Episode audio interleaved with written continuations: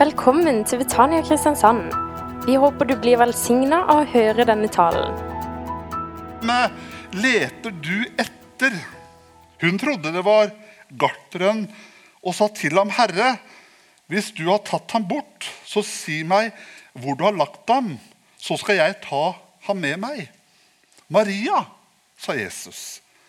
Da snudde hun seg og sa til ham på hebraisk, Rabuni, det betyr mester.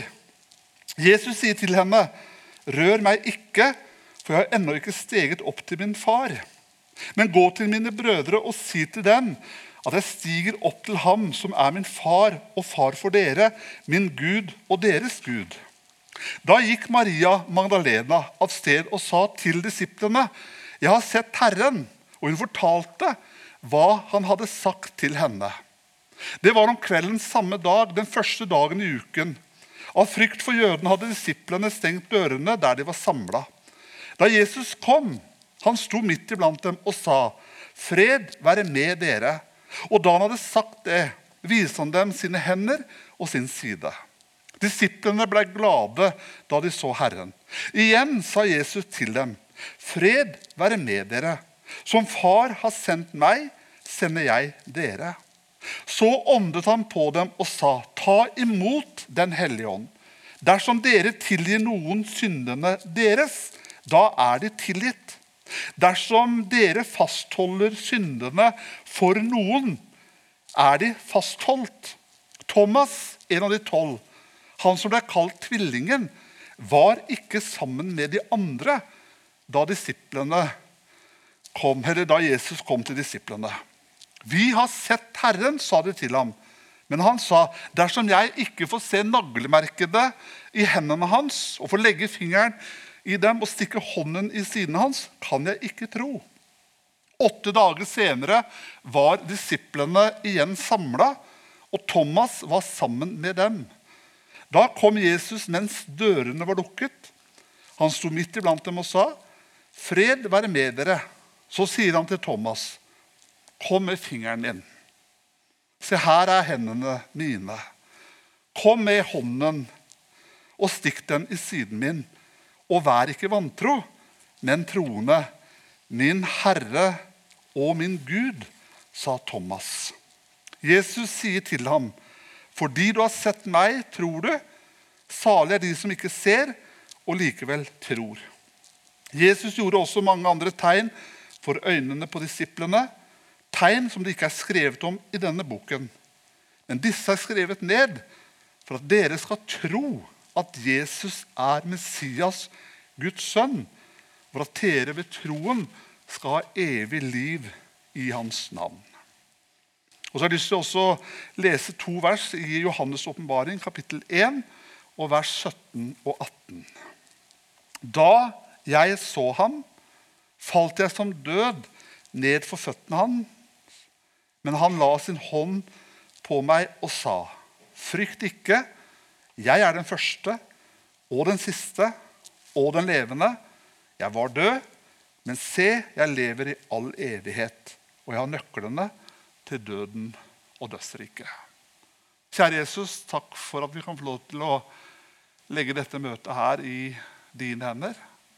Takk at det er godt å samles i ditt navn. Takk at det kan bli en møteplass mellom deg og oss. Der du gir oss av din kraft og din styrke og ditt mot. Takk, Jesus, at vi merker at du er nær, og takk at du ønsker å røre ved våre liv. I Jesu navn. Amen. Det er eh, holdt mange taler og skrevet mange bøker om eh, emnet Jesus sju ord på korset. Jesu sju ord på korset det forteller mye om eh, Jesu karakter. Og det beskriver eh, hensikten med Jesu død på korset. Jesus han eh, sier syv ting når han henger på korset. Det første han sier, det er 'Far, tilgi de, for de vet ikke hva de gjør'. Det andre han sier, Det er til denne røveren som henger eh, ved sida han eh, på korset. Sannelig, jeg sier deg, i dag skal du være med meg i paradis. Det tredje han sier, er kvinne. Se, der er din sønn. Så sier Jesus til disippelen, der er din mor. Det fjerde Jesus sier, det er min Gud, min Gud, hvorfor har du forlatt meg? Det femte han sier, det er 'jeg tørster'. Det sjette han sier, det er 'det er fullbrakt'. Og det syvende han sier, er 'Far, i dine hender overgir jeg min ånd'. Fantastisk utsagn som betyr så mye for oss og hele verden. Men det jeg har lyst til å si litt om i dag, det er eh, Jesus sine syv første ord etter oppstandelsen. De eh, syv eh, første ordene fra den oppstandende Jesus den på en måte viser oss hva oppstandelsen betyr for oss, og hva det sier til oss. Jesus sine syv ord på korset det er et budskap fra Gud til hele verden. Men de syv første ordene Jesus sier etter sin oppstandelse, det er på en måte et budskap til menigheten og til Guds folk. Jeg tenker på oppstandelsen. Oppstandelsen er jo miraklet av alle mirakler. Det er jo det største som har hendt. At Jesus sto opp igjen. Uten oppstandelsen så har vi ingen frelser. Ikke noe sant ord fra Gud. Ingen frelse. Ikke noe håp etter døden. Vi har en oppstandende Jesus. Halleluja. Det var et dramastykke av John Marsfjell som eh, skulle handle om eh, rettssaken mot Jesus. Og så er det en scene der en eh, romersk soldat med ansvar for eh, de andre soldatene ved korset, så skulle han rapportere fra dagens hendelser. Etter å ha avlagt denne rapporten så kommer Pilatus sin kone at han skal fortelle hvordan fangen døde. Når han har forklart hvordan Jesus døde på korset, så spør denne kona til eh, Pilatus, tror du at han er død? Nei, frue, svarer denne soldaten, det tror jeg ikke. Ja, Men hvor er han hen da? spør kona til Pilatus. Og da svarer denne rommeren, vet du hva? Han er sluppet løs. Han er sluppet løs i verden, frue. Evangeliet og oppstandelsen det er et udiskutabelt faktum. Det er en uerstattelig tro, og det er en uimotståelig kraft. Halleluja. Det er kraft i oppstandelsen av Jesus Kristus. La oss se på de syv første ordene som Jesus sier etter sin oppstandelse. Det første han sier, det er 'Hvorfor gråter du?' Det er det første Jesus sier etter sin oppstandelse, er 'Hvorfor gråter du, kvinne?' Jeg tror eh, det er mye symbolikk i disse versene. I eh, Første Mosebok 3 så leser vi om en kvinne som svarte på et annet spørsmål i Edens hage. Hennes svar har ført til mye sorg i verden. Men denne kvinnen som Jesus møter, hun gråter. Tenk på alle tårene som er eh, grått opp igjennom historien. Hadde ikke synden kommet inn i verden, så ville det ikke vært noen tårer. Men vår verden den kalles ofte som en tåredal. Og selv Jesus gråt, leser vi det korteste verset i Bibelen. Men, opp, men på oppstandelsens grunn så spør Jesus hvorfor Gråter du? Jesus han uh, tørka ikke bort hennes tårer, men han var svaret på hennes sorg. På samme måte så vil ikke Herren ta bort dine og mine tårer, men han er svaret på vår sorg. Åpenbaringsboka 21,4 sier det sånn at han skal tørke bort hver tåre fra deres øyne, og døden skal ikke være mer, heller ikke sorg eller skrik eller smerte, for det som før var, er borte. Maria hun kjente ikke igjen Jesus på stemmen hans når han viste seg for henne i hagen. Kanskje det var tårene som hindret henne i å se ham. For det er klart at Når vi har det vondt, når vi har det vanskelig, når vi lider, så klarer vi ofte å ikke se Jesus. Vi klarer ofte å ikke se at han går med oss. Enten vi får øye på ham eller ikke, så er det et faktum av at han er med oss i onde dager og i gode dager. Om alle andre venner svikter, så svikter ikke Jesus.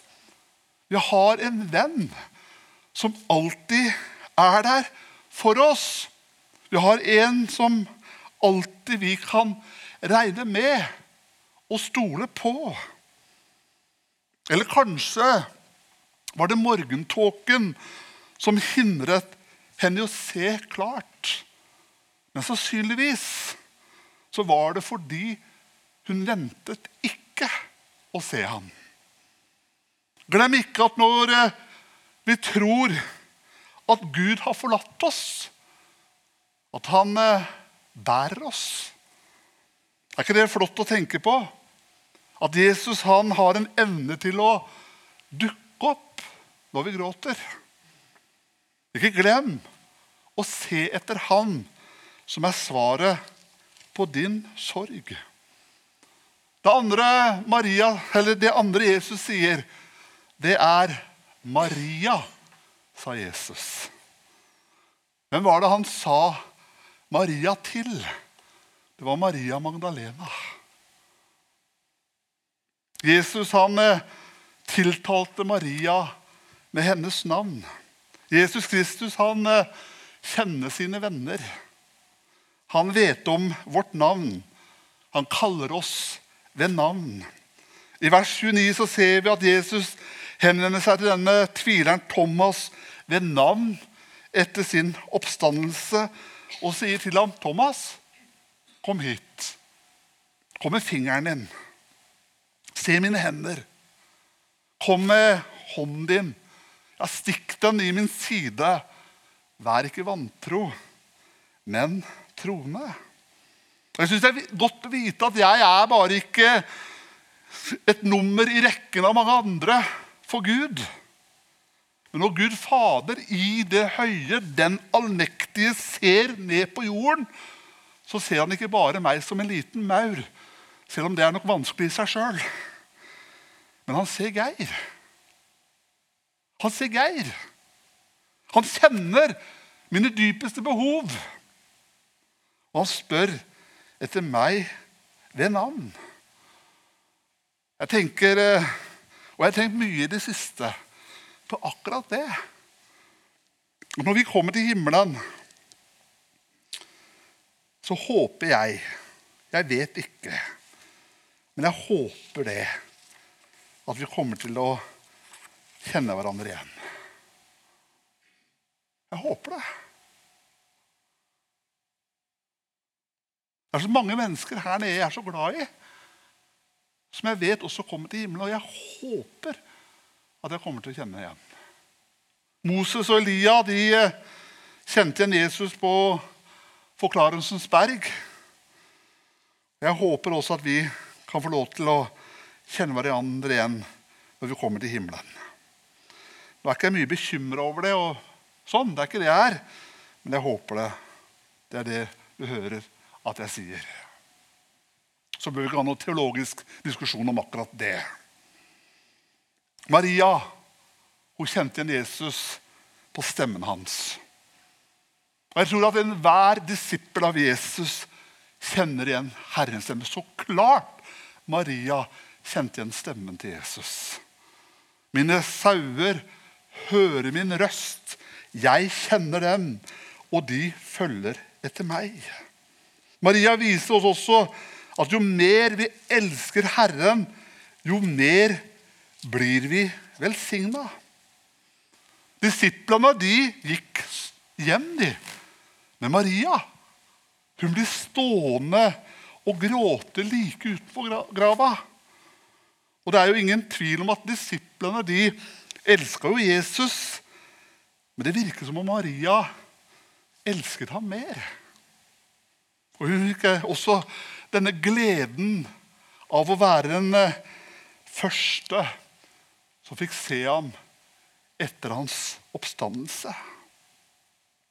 Det tredje Jesus sier etter sin oppstandelse, er 'Rør meg ikke, men gå til mine brødre'. Maria hadde nå fått budskapet om Jesu Kristi oppstandelse. Hun hadde sett Jesus. Og oppstandelsen har gitt oss et budskap vi skal få lov til å fortelle hele verden. Budskap at vår synd er sona på korset.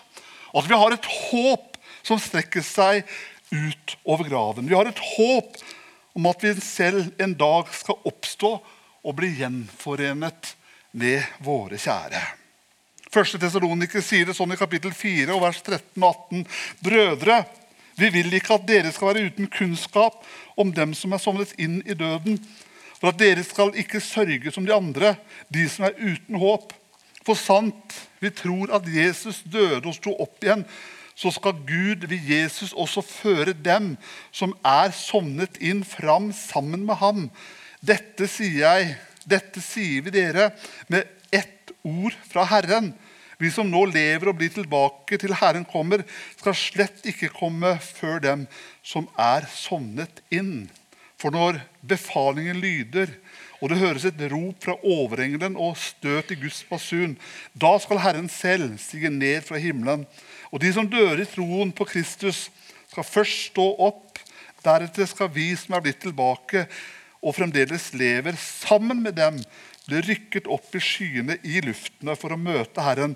Og så skal vi være sammen med Herren en liten periode. Nei, for alltid. For alltid. Trøst da hverandre med disse ord. Budskapet om Jesu oppstandelse er det hele vår tro hviler på. Om ikke Jesus sto opp fra de døde, så har vi ikke noe evangelium å dele. Alle taler som har blitt holdt opp gjennom hele historien, hva blir de? De blir ubrukelige. De blir verdiløse og meningsløse om ikke historien om Jesu oppstandelse er sann. Maria hadde et budskap til disiplene. 'Jeg har sett Herren, og han lever'. Har du sett Herren? Har jeg sett Herren? Ja, jeg kan si det. Jeg har sett han, og han lever. Takk for responsen. Budskapet om Jesu oppstandelse den går som et seierstog opp igjennom historien. Det har ikke stoppa, men det fortsetter og fortsetter og fortsetter. Ja, sannelig, han er oppstanden. Den franske filosofen Volontaire sa Bibelen og kristendommen vil være forsvunnet og glemt om 100 år. Volontaire han døde i 1778, og den kristne tro den fortsetter som seiersgang. Amen. Andre som har sagt og En annen som han proklamerte i 1883 at Gud er død. Han trodde at eh, fremveksten for naturvitenskapene ville bli troens undergang. Naturvitenskapene de har vokst, de òg. Men den kristne bevegelse den fortsetter å vokse. Halleluja. Jeg må si jeg er ganske glad for dette her. En eh, kommunistisk ordbok definerer Bibelen på følgende måte. Det er en samling av eventyr og legender uten vitenskapelig grunnlag Kommunisten den er i ferd med å dø ut som bevegelse. Men den kristne troa den vokser som aldri før. Vet du hva jeg har tro på? Jeg har tro på Guds menighet og det vi holder på med. Så la oss holde dette budskapet om Jesu oppstandelse levende. Ikke la oss holde det for oss sjøl, men la oss gjøre det som Maria. Dele det med våre venner og våre kjære. Det fjerde Jesus sier etter sin oppstandelse, det er fred være med dere. Fred være med dere. Det var om kvelden samme dag, den første dagen i uken av frykt for jødene, hadde disiplene stengt dørene der de var samla. Da kom Jesus. Han sto midt iblant dem og sa, 'Fred være med dere.' Og da han hadde sagt dette, viste han dem sine hender og sin side. Disiplene ble glade da de så Herren igjen. Og igjen sa han til dem, 'Fred være med dere.' Liksom Faderen har sendt meg, sender jeg dere. Så fred var det første disiplene fikk høre. Han kommer ikke med noen anklager. Vi har fått et løfte om fred fra Gud. Herren møter oss ikke med skyld og fordømmelse, men han møter oss med fred. Han møter oss med nåde. Hvordan kan det bli fred i verden? Jo, Bibelen har svaret på det spørsmålet. Det er Jesus som gir verden fred. En fred som overgår all forstand. Halleluja. Det er den freden han ønsker å gi oss. En fred som ikke er logisk. Det er en fred som er forankra i Jesus Kristus, som gjør at vi kan sove selv om det stormer rundt oss.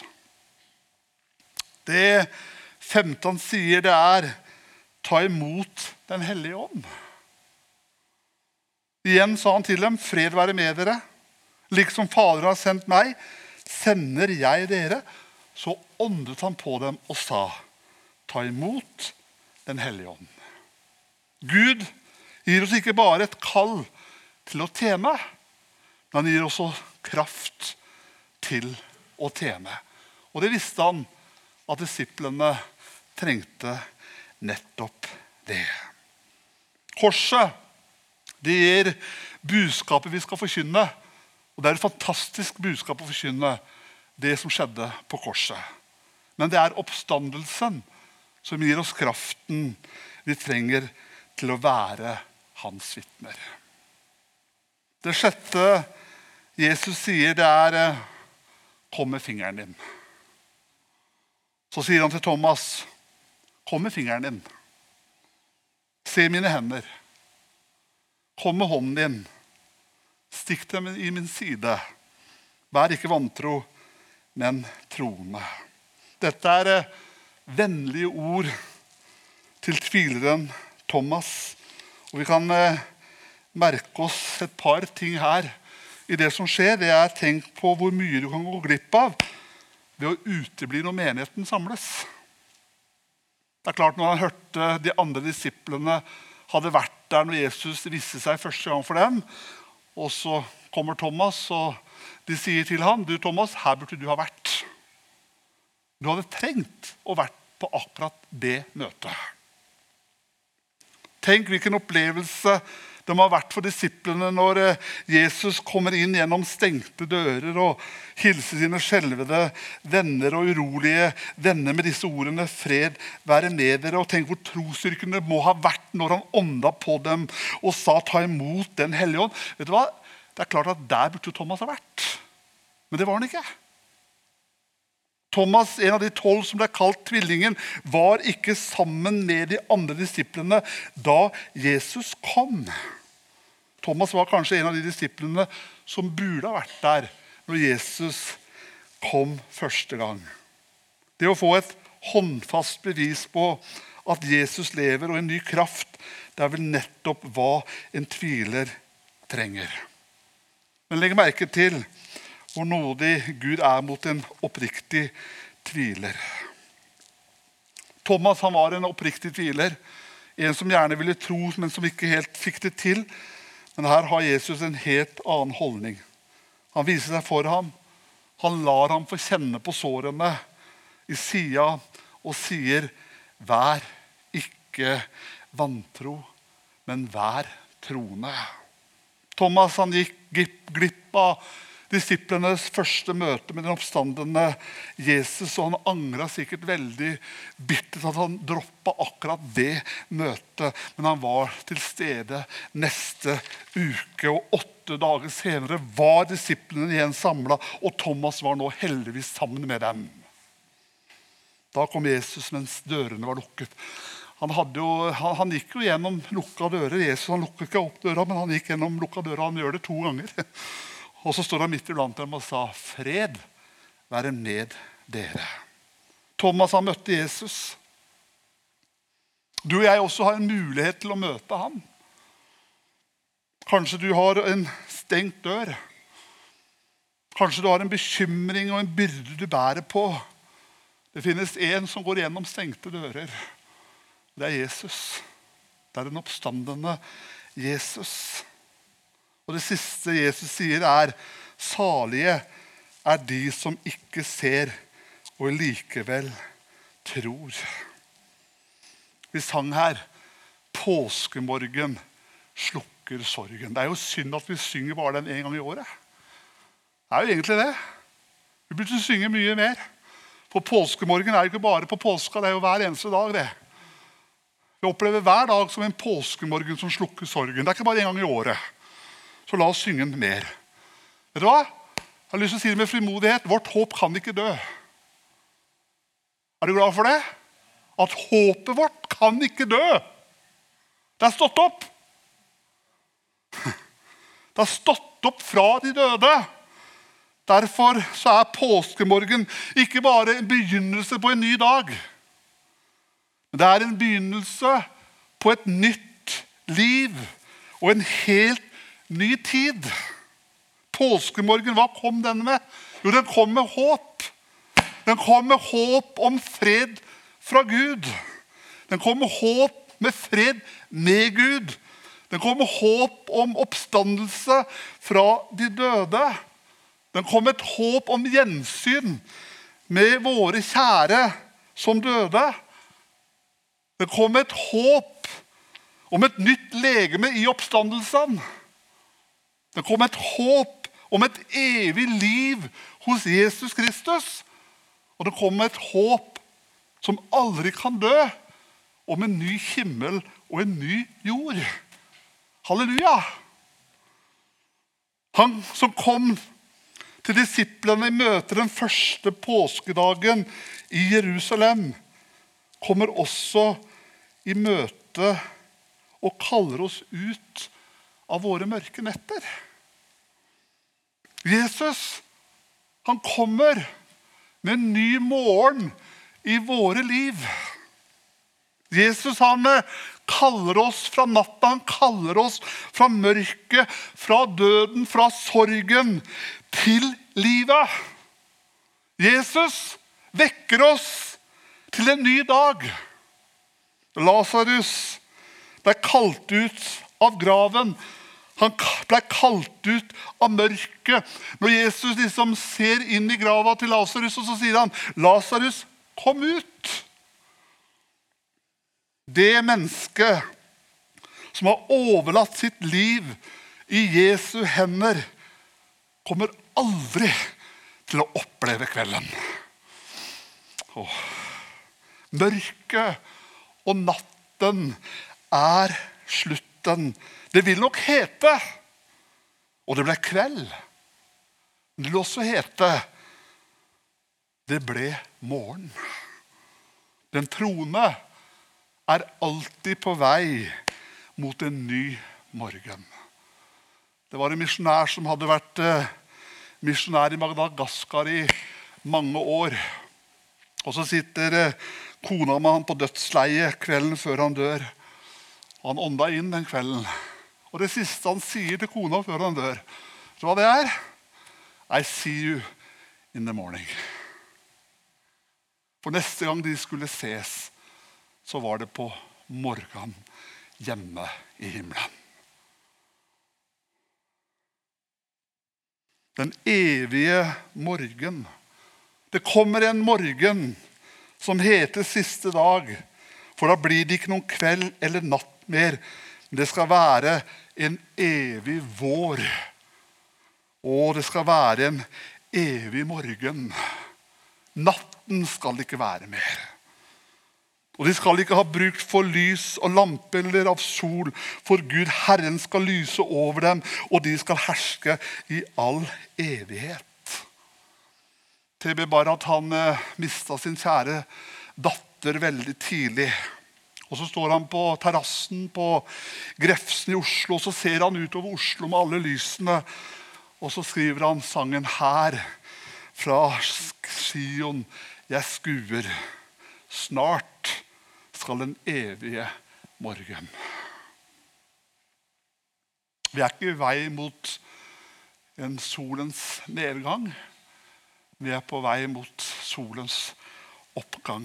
Når vi føler oss gudsforlatt, så er det en følelse og ikke en virkelighet. Vi er ikke skilt fra Guds kjærlighet. Da Jesus følte seg gudsforlatt, så var det en virkelighet for at ingen av oss skal bli forlatt av Gud og skilt fra Guds kjærlighet i Kristus Jesus. Amen. Du har nå hørt en tale fra Betania Kristiansand. For mer informasjon kan du besøke våre hjemmesider på betaniakrs.no.